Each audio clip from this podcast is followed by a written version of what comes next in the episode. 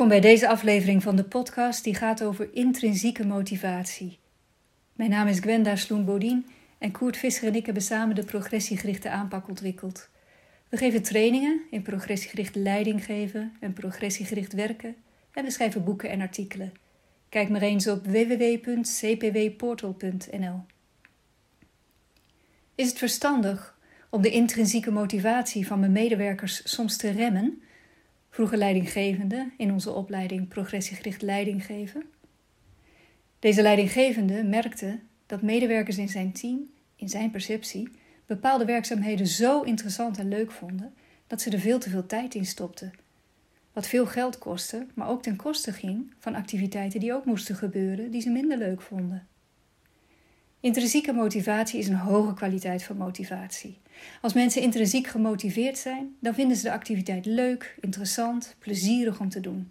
En het doen van die activiteit geeft hen dan energie. De activiteit is belonend in zichzelf. Intrinsieke motivatie gaat samen met psychologisch en fysiek welbevinden. En ook met duurzame inzet, betere prestaties, creativiteit. Maar zitten er ook nadelen aan intrinsieke motivatie? Deze leidinggevende vroeg zich dat af en vroeg zich dus ook af of hij misschien moest proberen om intrinsieke motivatie te remmen. Onderzoek van Shin et al. uit 2019 werpt een licht op deze vraag. Zij onderzochten het effect van intrinsieke motivatie voor de ene taak op prestaties op andere taken. Uit het onderzoek bleek dat de kwaliteit van motivatie voor een ene taak inderdaad consequenties heeft voor prestaties op andere taken. En dat is natuurlijk relevant, want banen bestaan altijd uit meerdere taken.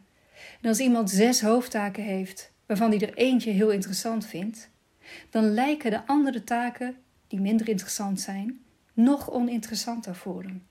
En zo kan intrinsieke motivatie voor de ene taak samengaan met slechter presteren en een lagere kwaliteit van motivatie voor andere taken. De verklarende factor daarbij is verveling. Doordat je de ene taak zo leuk en interessant vindt, lijken de andere taken, die je minder interessant vindt, nog saaier te zijn. En zo treedt verveling op.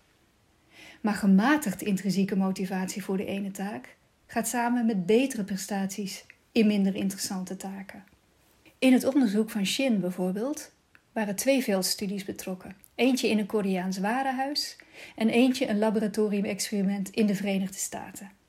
Het bleek dat werknemers met de hoogste intrinsieke motivatie voor één taak een lagere gemiddelde prestatie lieten zien op andere taken en ook meer variatie lieten zien in prestaties op de verschillende taken. En in het laboratoriumexperiment werd gevonden dat werken aan zeer intrinsiek motiverende initiële taken leidde tot een slechtere prestatie in volgende taken als die taken saai waren, maar niet als die taken interessant waren. In beide studies was matig intrinsieke motivatie ten aanzien van één taak juist geassocieerd met betere prestaties in minder interessante taken dan hoge intrinsieke motivatie.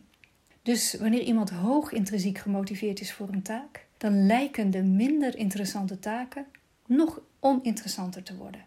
Dat gaat samen met minder inspanning en minder zin om die oninteressante taak af te maken. Intense passie voor een bepaalde taak maakt het contrast met de minder interessante taken nog groter. Motivatie voor de ene taak en prestatie op een andere taak zijn dus niet onafhankelijk van elkaar. Het gebrek aan interesse en slechte prestaties in de ene taak kan juist voortkomen vanuit een intense belangstelling voor een andere taak. En dat onderzoek van Shin et al. dat suggereert dus dat het verstandig is om bewust na te denken over de volgorde waarmee taken uitgevoerd worden. Het lijkt erop dat het goed werkt om de dag bijvoorbeeld te starten met een matig interessante taak. Daarna over te stappen op een weinig interessante taak en vervolgens over te gaan op de meest interessante taak. Als je tenminste wil dat je prestaties op elk van die taken zo goed mogelijk zijn. Naast de volgorde waarmee taken worden uitgevoerd, kunnen leidinggevenden een belangrijke rol spelen in de internalisatie van het belang van oninteressante taken. Naast intrinsieke motivatie bestaat er nog een hoge kwaliteit van motivatie en dat is geïnternaliseerde extrinsieke motivatie. Nu doe je de activiteit nog steeds volledig vrijwillig, maar niet zozeer omdat je hem interessant en leuk vindt, maar omdat je de waarde en het belang ervan inziet. De opbrengst die de activiteit met zich meebrengt is waardevol en belangrijk voor je. En daardoor sta je er helemaal achter om de activiteit te doen. Beide vormen van autonome motivatie, dus zowel intrinsieke motivatie als geïnternaliseerde motivatie, gaan samen met doorzettingsvermogen, creativiteit, psychologisch en fysiek welbevinden en betere prestaties. Beide vormen van autonome motivatie heb je nodig in het werk, want niemand kan alleen maar doen wat hij leuk vindt om te doen. Werk bestaat altijd uit interessante en minder interessante taken. Leidinggevenden spelen een belangrijke rol in het verhelderen van het belang en de waarde van taken die de medewerker niet zo interessant en leuk vindt om te doen. Het antwoord op de vraag van deze leidinggevende of die misschien de intrinsieke motivatie zou moeten remmen, heb ik dan ook als volgt beantwoord. In plaats van het remmen van intrinsieke motivatie voor de ene taak, zou het wel eens veel beter kunnen zijn om de internalisatie van het belang van andere taken duidelijk te maken aan medewerkers. Daarnaast kunnen leidinggevende medewerkers ondersteunen in het bewust kiezen in welke volgorde ze hun taken uitvoeren. Dus eerst een matig interessante taak, dan een weinig interessante taak en vervolgens de meest interessante taak. Intrinsieke motivatie op het werk is heel waardevol, zowel voor medewerkers als voor die collega's, als voor de kwaliteit van het geleverde werk. En proberen om het plezier en de interesse in een taak te remmen, dat is een recept voor demotivatie.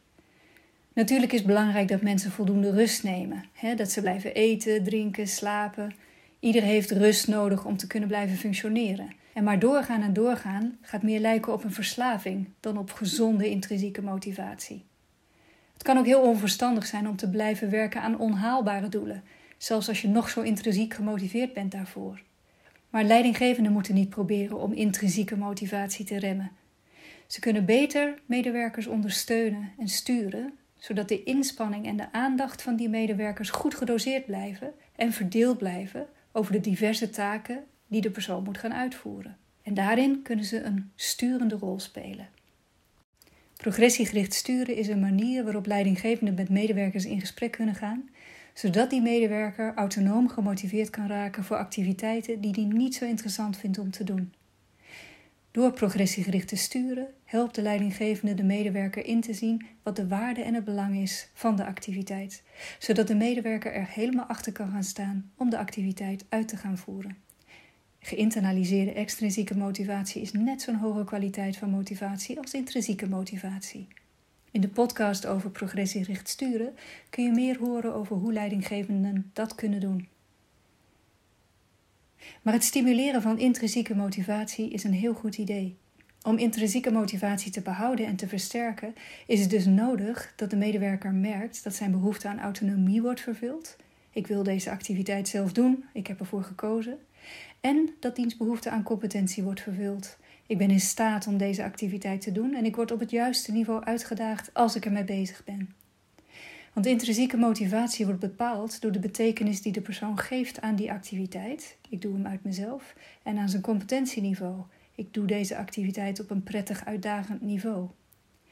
Intrinsieke motivatie heeft altijd een element van groei.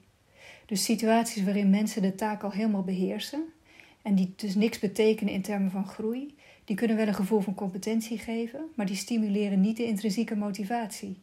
De reden om een activiteit te doen bij intrinsieke motivatie is omdat de persoon de activiteit interessant vindt en zich uitgedaagd voelt om zijn vaardigheden te stretchen. Het gaat over optimale uitdaging die de persoon vrijwillig aangaat. Intrinsieke motivatie kan ondermijnd worden op het moment dat mensen het idee hebben dat ze beoordeeld worden, of wanneer ze voortdurend negatieve feedback krijgen. Positieve feedback, die op een niet controlerende manier en ook een beetje klein wordt gegeven, en die focust op competentie, die stimuleert dan weer intrinsieke motivatie. Feedback die informerend wordt gegeven kan ook de intrinsieke motivatie versterken. Dat geldt zowel voor positieve, maar zelfs voor negatieve feedback.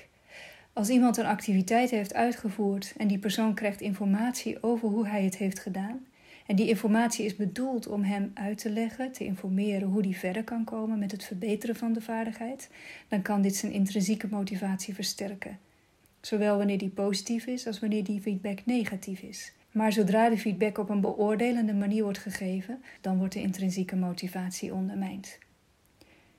Deadlines spelen ook een rol bij intrinsieke motivatie. Deadlines die informerend zijn en die niet onder druk zetten, die doen geen afbreuk aan de intrinsieke motivatie en kunnen zelfs energiegevend en positief motiverend zijn. Maar als diezelfde deadlines op een dreigende of zelfs op een belonende manier worden ingezet, dan gaat het ten koste van de intrinsieke motivatie. Het hebben van keuzemogelijkheden versterkt ook de autonomie en versterkt ook de intrinsieke motivatie. We kunnen daarbij een onderscheid maken tussen optiekeuzes en actiekeuzes. Een optiekeuze betekent dat de persoon kan kiezen tussen diverse opties. En een actiekeuze betekent dat de persoon gedurende het uitvoeren van de activiteit steeds zelf kan kiezen welke volgende actie hij wil uitvoeren. Actiekeuze is nog belangrijker voor de perceptie van autonomie en intrinsieke motivatie dan optiekeuze. Maar optiekeuze heeft ook een positief effect. Belangrijkste voor intrinsieke motivatie is eigenlijk dat de persoon het idee heeft dat hij betekenisvolle keuzes maakt. Dus niet elke keuze versterkt zijn gevoel van autonomie. Dus om te weten of je intrinsiek gemotiveerd bent voor een activiteit, is niet voldoende om te weten of je die activiteit interessant vindt. Het is daarnaast belangrijk om te weten welke betekenis je geeft aan het doen van de activiteit. Ervaar je dat je de activiteit leuk en interessant vindt en dat je graag je vaardigheden met betrekking tot de activiteit stretcht, dan is er sprake van intrinsieke motivatie. En ervaar je dat je de activiteit niet leuk, maar wel belangrijk vindt en dat je beter wilt worden in de activiteit, dan is er sprake van geïnternaliseerde extrinsieke motivatie. Meer leren kan in onze opleidingen en meer lezen kan in onze boeken. Kijk maar eens op www.cpwportal.nl.